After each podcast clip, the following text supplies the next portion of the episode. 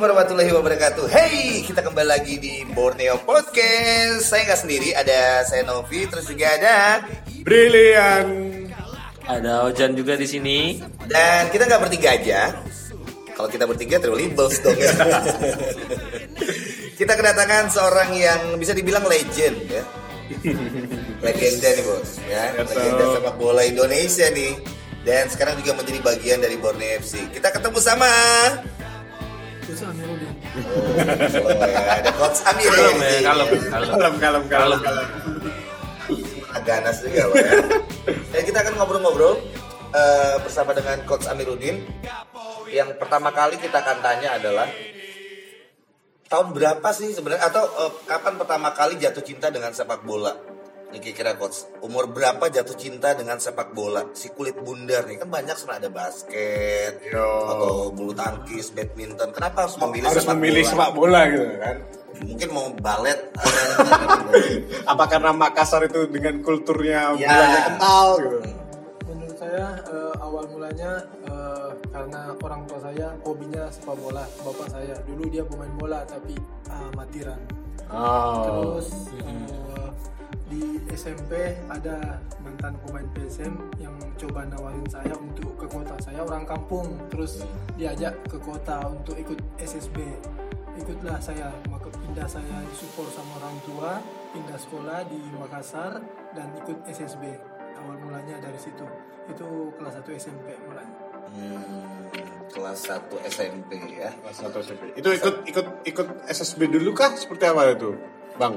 Eh, jadi paginya saya sekolah, di sore hari saya ikut SSB.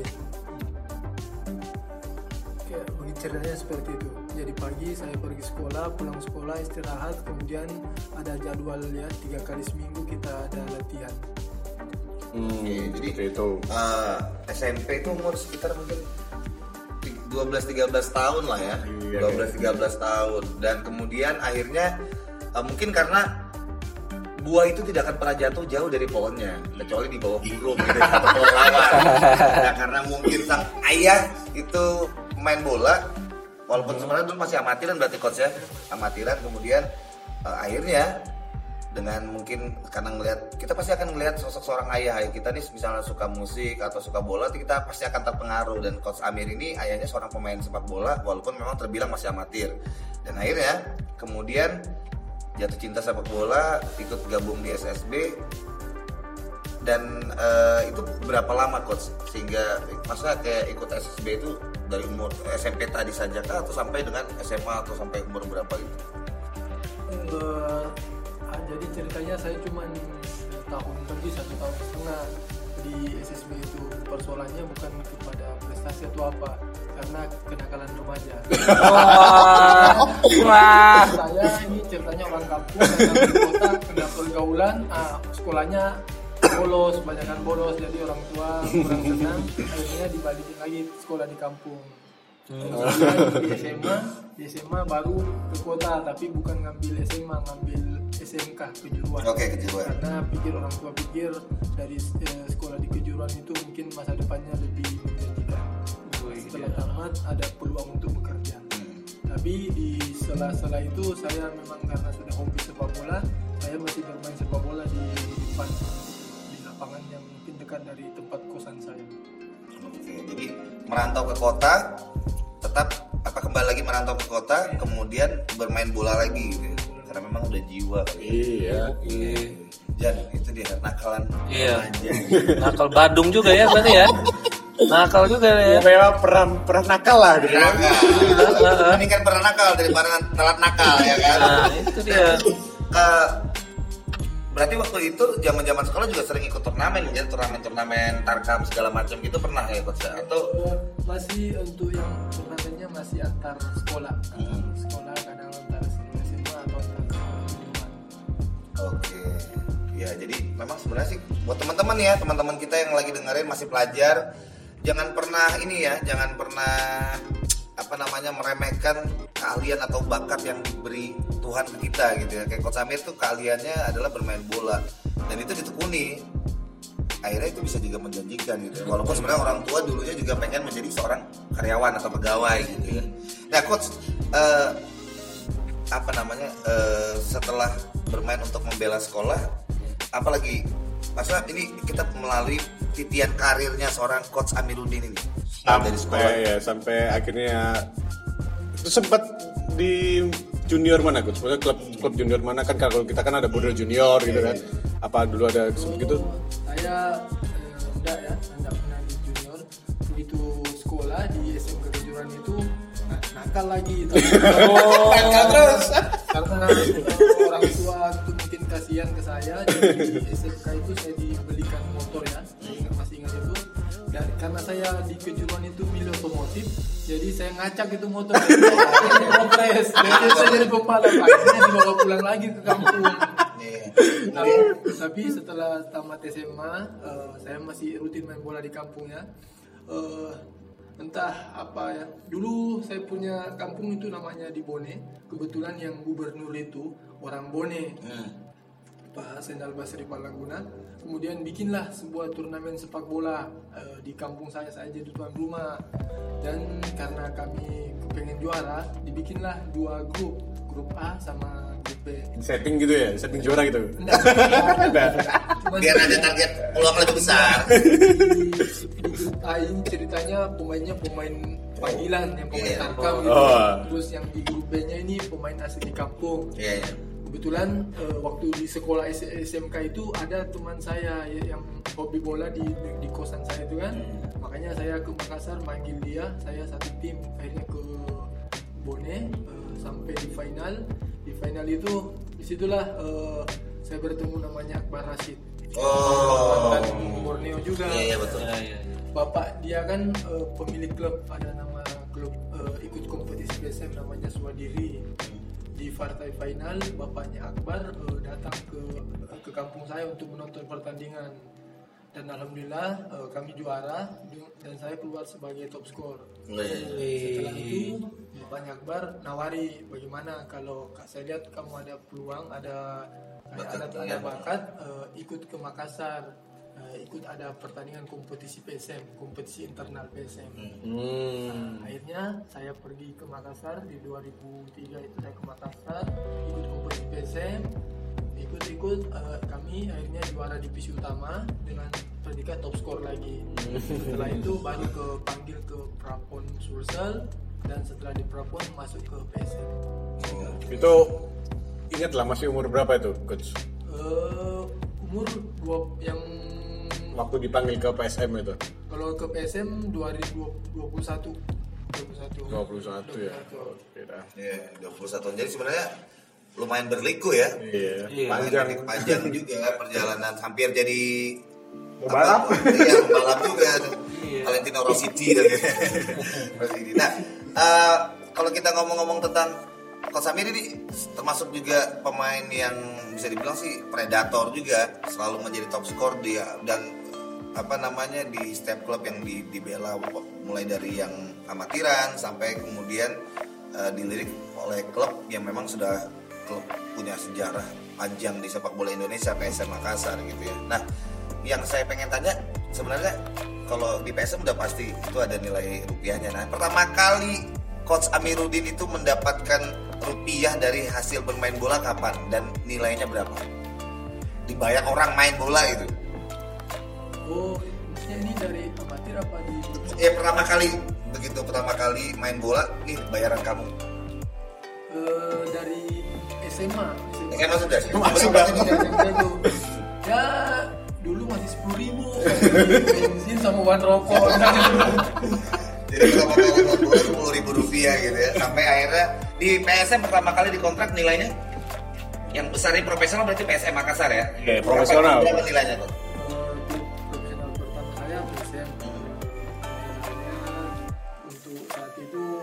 Bagi saya lebih dari cukup tapi kalau untuk pemain pro mungkin ini Iya, iya. Eh, nominalnya itu hari 2,5 juta di awal pertama saya gabung. Per bulan.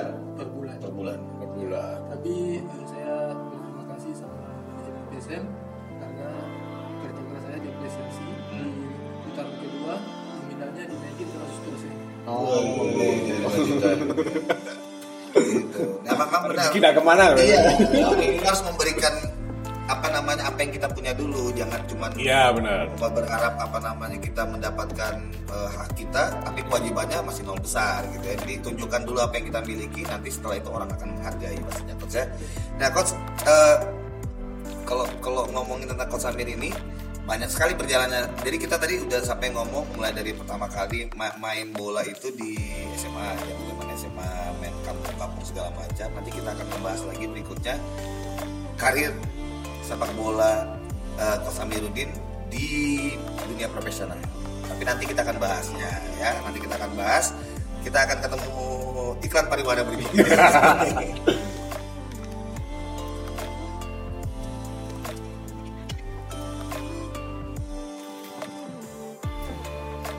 Ya ya ya, welcome back eh, bareng eh, sekarang sama gua Fauzan ya. Kita kali ini akan membahas eh, karir sepak bola profesional dari seorang eh, coach Ahmad Amiruddin ya. Langsung aja nih coach.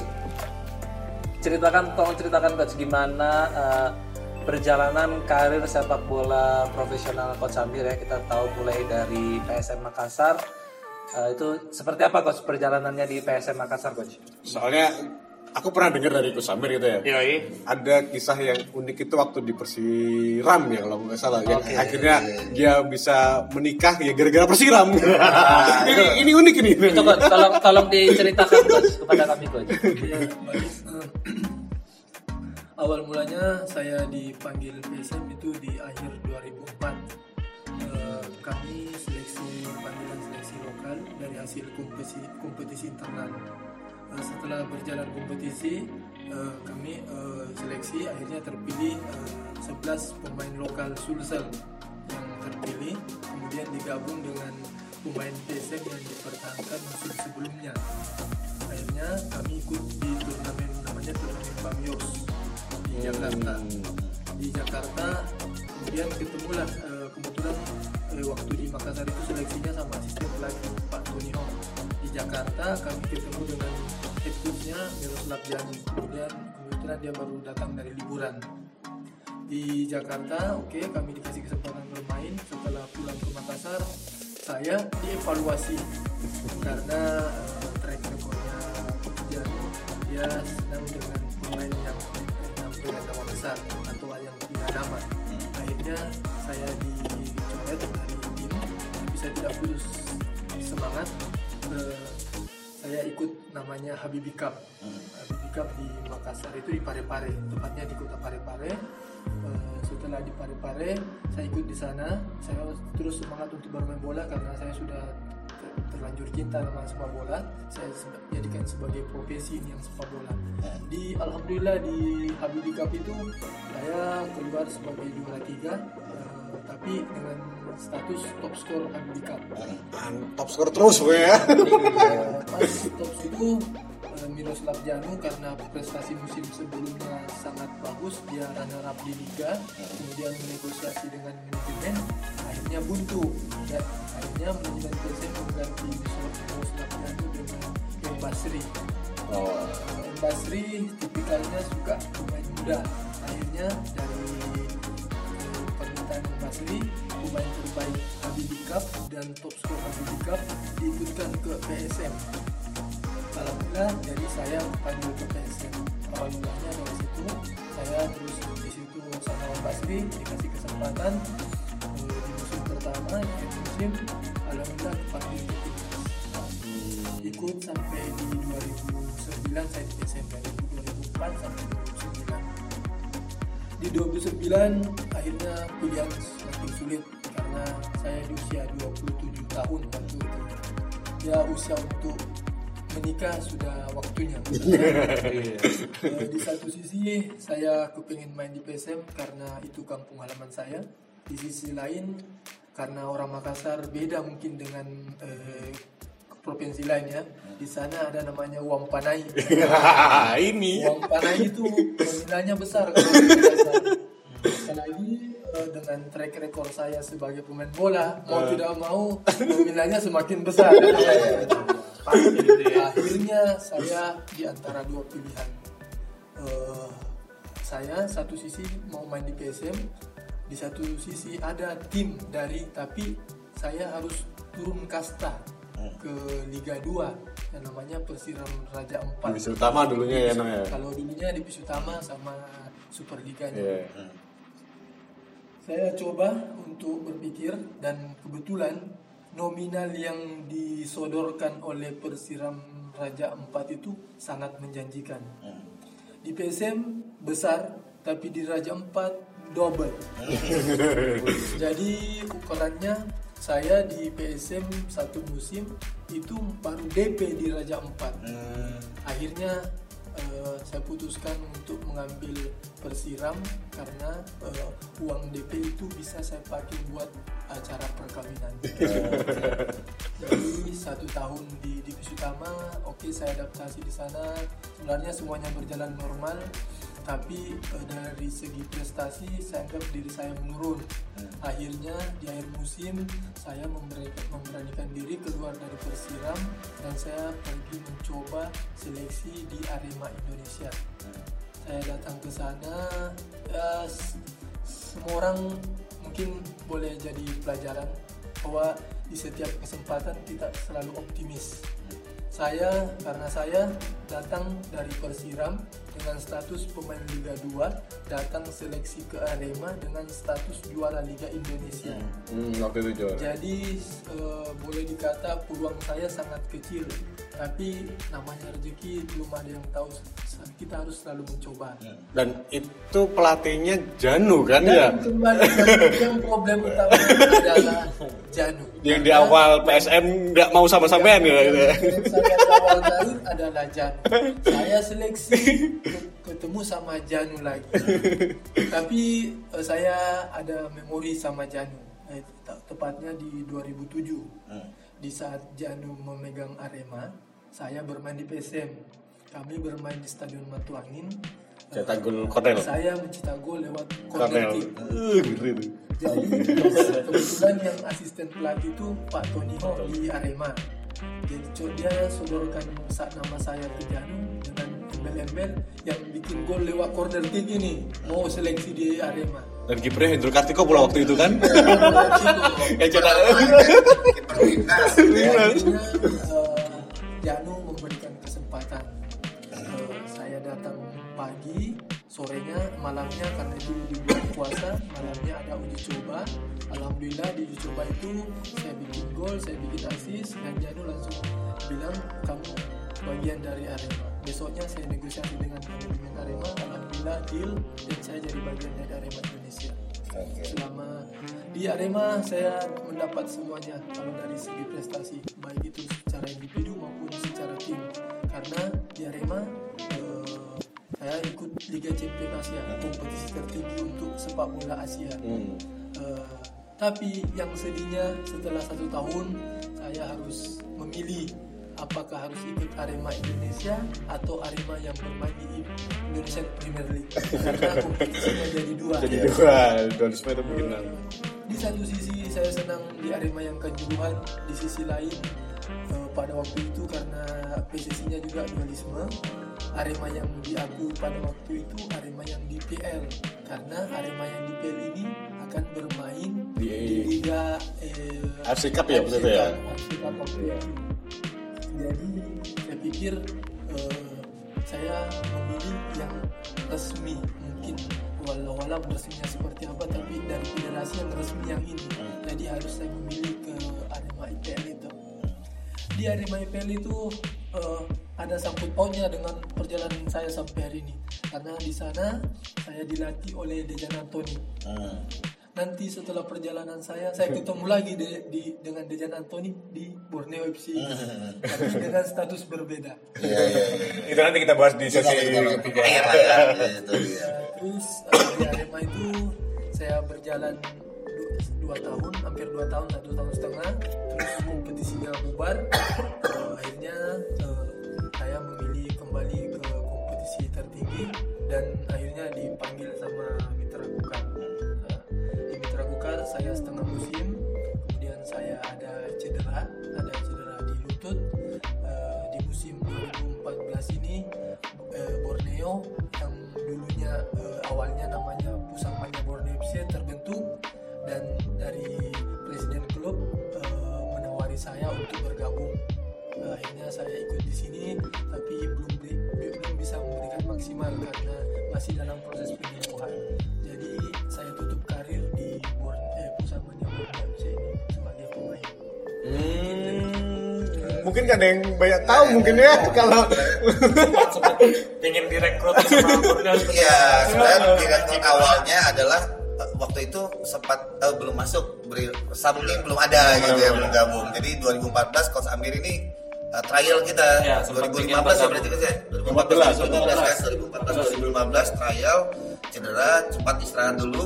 Nah, jadi lagi, di kontrak. cepat. Akhirnya karena beliau juga ini eh, memutuskan untuk mengambil lisensi sebagai pelatih juga gitu ya. Karena memang tapi memang memutuskan untuk pensiunnya di sini. Jadi mem- mempensiunkan diri di Borneo. pensiun di usia saya 32 oh, oh pensiun dini itu ya. Pensiun dini. Terus eh, kan tadi kan ada ada pembahasan sempat dilirik di timnas.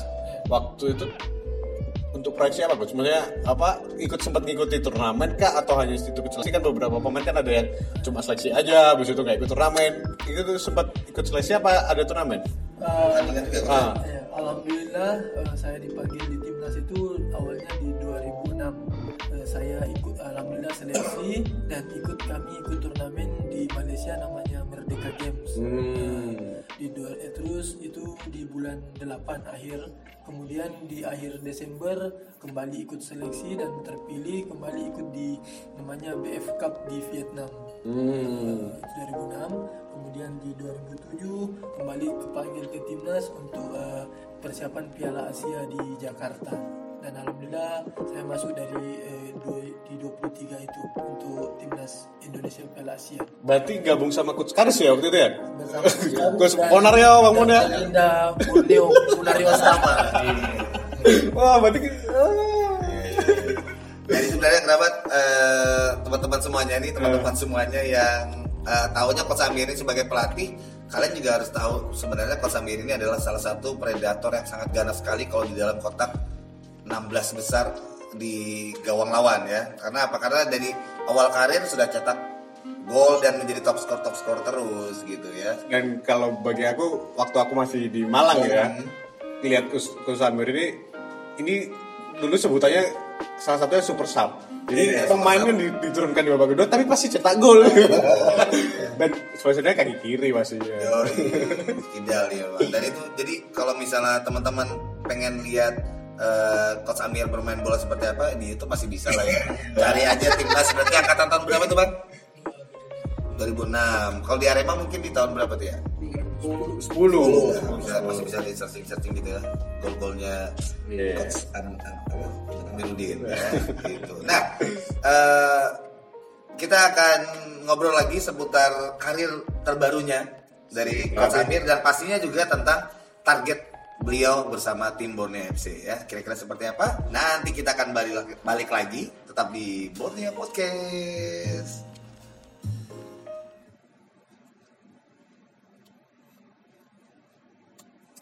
Oke, kita balik lagi di Borneo Podcast masih bersama ada Billy, Ojan dan juga saya Betran Antoniolin. Kita bersama eh, Coach Ahmad Amiruddin. Nah, Coach eh, mungkin siapa nih? Ah, gini kan waktu itu sempat dipanggil ke Borneo lagi sebagai asisten pelatih waktu itu ya. Itu kalau nggak salah waktu zamannya Om Tony ya di sini ya. Om Tony untuk persiapan Piala Gubernur ya. Terus itu itu gimana perjalanannya? Kan Coach Amir dengan background belum ada lisensi waktu itu kan maksudnya belum ada pengalaman untuk melatih akhirnya dipanggil Om Tony untuk jadi asisten itu seperti apa awalnya coach? Eh, jadi awalnya eh, saya yang pertama-tama di saya harus terima kasih sama Coach Sony Eh, semenjak saya pensiun terus saya tinggal di Makassar eh, Om Tony selalu, selalu memberi saya masukan Eh, sekarang kamu udah pensiun jadi pemain kamu coba jadi pelatih tapi eh, awalnya melatih di akademi atau di SSB Hmm. Eh, untuk eh, ya. Proses, belajar eh, yang paling utama di kepelatihan itu masalah skill komunikasi. Iya, iya, iya, itu. Kalau kita basicnya pemain, mungkin untuk praktikal oke, tapi di skill komunikasi masih terkendala. Akhirnya saya berawal di SSB dulu, saya latih. Kadang juga saya melatih teman-teman saya. Pokoknya saya datang ke lapangan tuh tiap pagi bawa peralatan latihan buat ngelatih berapa orang aja saya latih untuk men- mengasah saya punya skill. Eh, namanya rezeki awal di awal itu Om Tony ditawari sama Presiden Klub Borneo Bos Nabil untuk eh, menemani eh, Borneo di Piala Gubernur Kaltim dan dari situ Om Tony mengajak saya ke Borneo FC. Nah, Alhamdulillah saya ikut sama Om Tony di Borneo, tapi kebersamaan kami hanya sebentar karena pada waktu itu Om Tony ada problem internal, saya tidak tahu ada masalah keluarga, jadi dia pamit dari Borneo karena harus kembali ke Makassar. Tapi saya berterima kasih karena Om Tony menyarankan saya untuk tinggal selagi Borneo FC masih mau mempekerjakan saya. Eh, sebenarnya saya minder Hmm. karena pada saat itu saya datang ke Borneo dengan status amatir. Dari segi kepelatihan lisensi saya nol. Tidak ada. Tapi eh, Gus Nabil bilang eh, di sini eh, eh, saya dikasih kesempatan untuk belajar. Akhirnya setelah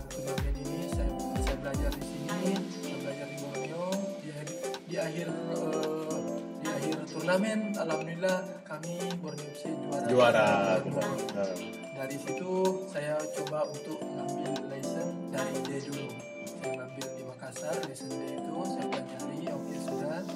Eh, sebagai bentuk apresiasi dari manajemen klub saya dipekerjakan kembali untuk di kasta tertinggi sepak bola Indonesia walaupun eh, status saya masih pelatih amatir tapi dari manajemen eh, memberikan semacam semacam award ya karena saat itu kami juara. Jadi saya masuk dari bagian staf kepelatihan di kasta tertinggi 2016 ya berarti ya? Dari TSC ya? Ya, TSC. Dari TSC itu dan alhamdulillah sampai sekarang saya berterima kasih ke manajemen Klub Borneo karena sangat mensupport saya di karir kepelatihan. Di 2016 itu saya dikirim ke Malaysia untuk mengikuti kursus kepelatihan lisensi CIC Hmm. akhirnya saya di situ kemudian di 2017 alhamdulillah eh, kerjasama kami dengan Borneo FC masih berlanjut. Eh, saya pun disuruh untuk kembali mengambil license yang lebih tinggi yaitu license B. Tapi karena aturan eh, dari license C ke B itu minimal 2 tahun jadi saya harus menunggu di 2018 Alhamdulillah di 2018 ini eh, panggilan untuk ikut BFC ada dan manajemen Borneo sangat mensupport biaya semua ditanggung sama manajemen Borneo. FC sampai hari ini lisensi saya sudah selesai tinggal menunggu hasil seperti apa. Mudah-mudahan sesuai harapan. Eh, terus kan kalau aku lihat di contohnya kalau aku di Malang ya di Malang ada yang namanya Joko Susilo Iya, iya. Joko Susilo dan jadi pemain pensiun akhirnya jadi pelatih pun m- mungkin mirip hampir mirip dengan Coach Amir gitu kan ceritanya Eh, terus kan Coach Amir banyak nyerap ilmu dari Coach Iwan terus Coach Dragan Coach Dejan Fabio juga waktu itu terus masih terus terakhir ini si Mario Gomez gitu kan Iya. Apa sih coach yang membedakan mereka itu coach pelatih pelatih mereka itu Tipikal-tipikalnya. nah, seperti apa Eh, mungkin per, per nama ya Iya. Iwan Setiawan seperti apa yang baik-baik aja lah ya dari pertama kalau persamaan dari semua pelatih ini yang saya tahu semuanya disiplin Iya. Ya. terus yang membedakan mungkin dari dia model kepelatihan yang mereka dulu kalau sama Dragan dia mainnya total football dia sangat eh, cinta dengan sepak bola menyerang dan di akhir kompetisi Borneo em, sama ya dengan Sriwijaya dalam hal pemasukan yang tertinggi di Iya. TSC Iya. waktu itu.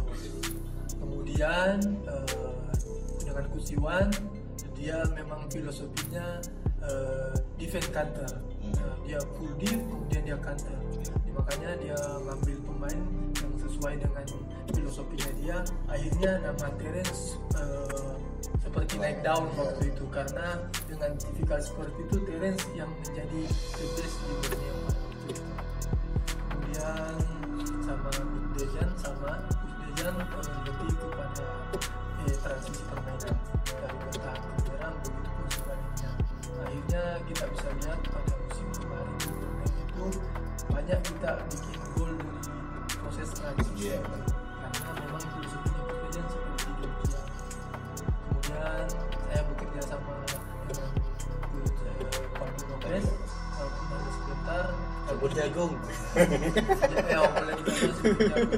tapi saya sangat hormat sama beliau karena beliau mengajarkan tentang sepak bola profesional ya Eh, mungkin yang mungkin jadi kendala sama dia di sini karena ya, di Indonesia tidak mengenal coach di sini manajer ada manajer ada coach beda Ya. dengan di Eropa Ya, betul. mungkin filosofi yang berbeda sehingga eh, adaptasinya lebih lambat sini tapi secara personal orangnya sangat disiplin baik dan eh, punya menyatu dengan semuanya dan Terakhir. terakhir saya bertemu dengan Coach Gomez eh, kalau dengan Coach Gomez yang bisa saya ambil dari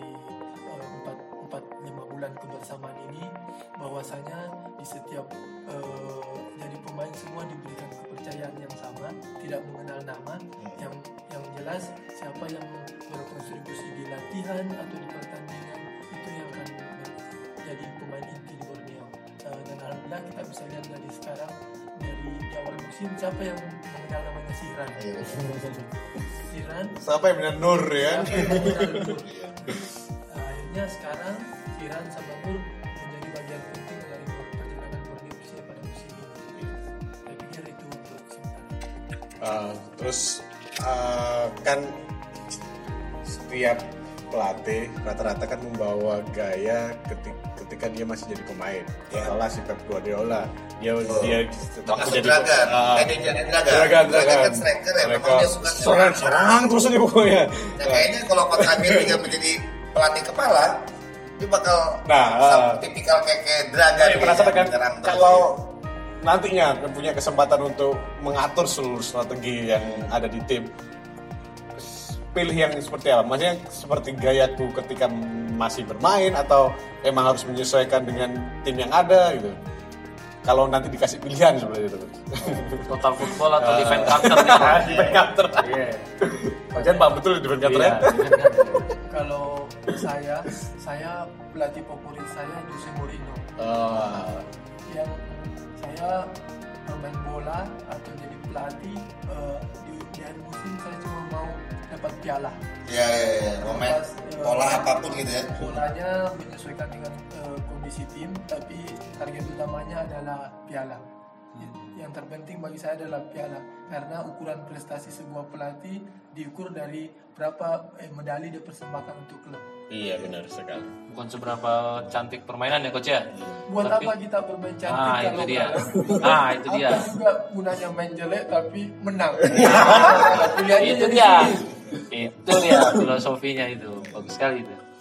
Tapi eh, apa ya? Kan sekarang kan media sosial juga kencang gitu kan. Terus beberapa orang mungkin mereka awam gitu. Yang penting aku nonton bola cantik, nggak peduli dah itu menang atau kalah. Yang penting ah mainmu mainmu jelek, menangan tapi gitu kan.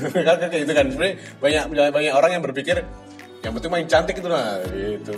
Coach lihat seperti apa sih perkembangan media sosial untuk untuk pemain, untuk pelatih sendiri seperti apa? Eh,